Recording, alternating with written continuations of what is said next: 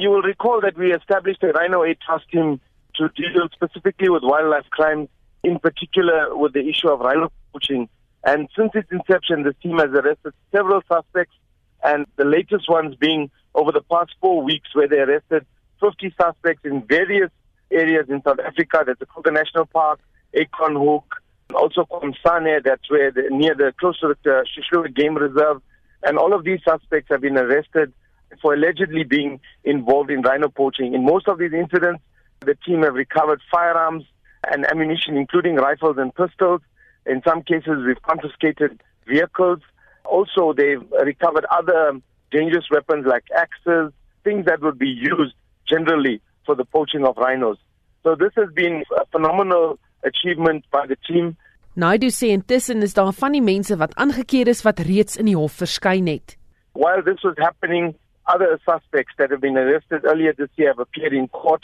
Six of them have been found guilty and sentenced to an accumulative 30 plus years imprisonment, of which one of them has received an effective 20 years imprisonment for rhino poaching. Hy sê die polisie en ander rolspelers se doelwit is uiteindelik om stroopers heeltemal af te skrik. That's one of the intentions of us releasing such a media statement to say that the opportunities for people to poach rhino and think that they can get away with it is extremely or drastically limited.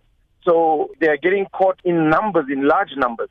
And of course, we're not just going to stop there because we're also going to go in terms of the Prevention of Organized Crime Act. We're going to see how we can use the Prevention of Organized Crime Act and try and seize everything that we suspect that these people may have generated from the commission of poaching rhinos. So it's just not going to stop here where people will be arrested, convicted, sentenced. We're also going to attach their assets as far as we possibly can. Die Rhino uit Taakmag bestaan uit lede van die polisie, douane, die weermag, SMWelo en sandparke veldwagters.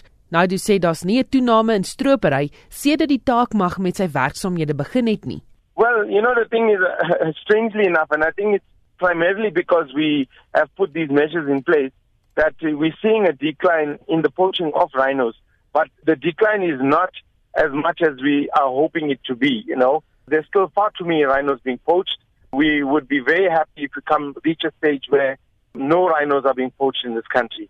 And, and one way of doing this is to arrest these people and to send out a clear message that the opportunities for them to try and commit this crime successfully are definitely limited or if not completely eradicated so that they will stop the poaching of rhinos. So we don't actually see an increase of the poaching of rhinos at this stage.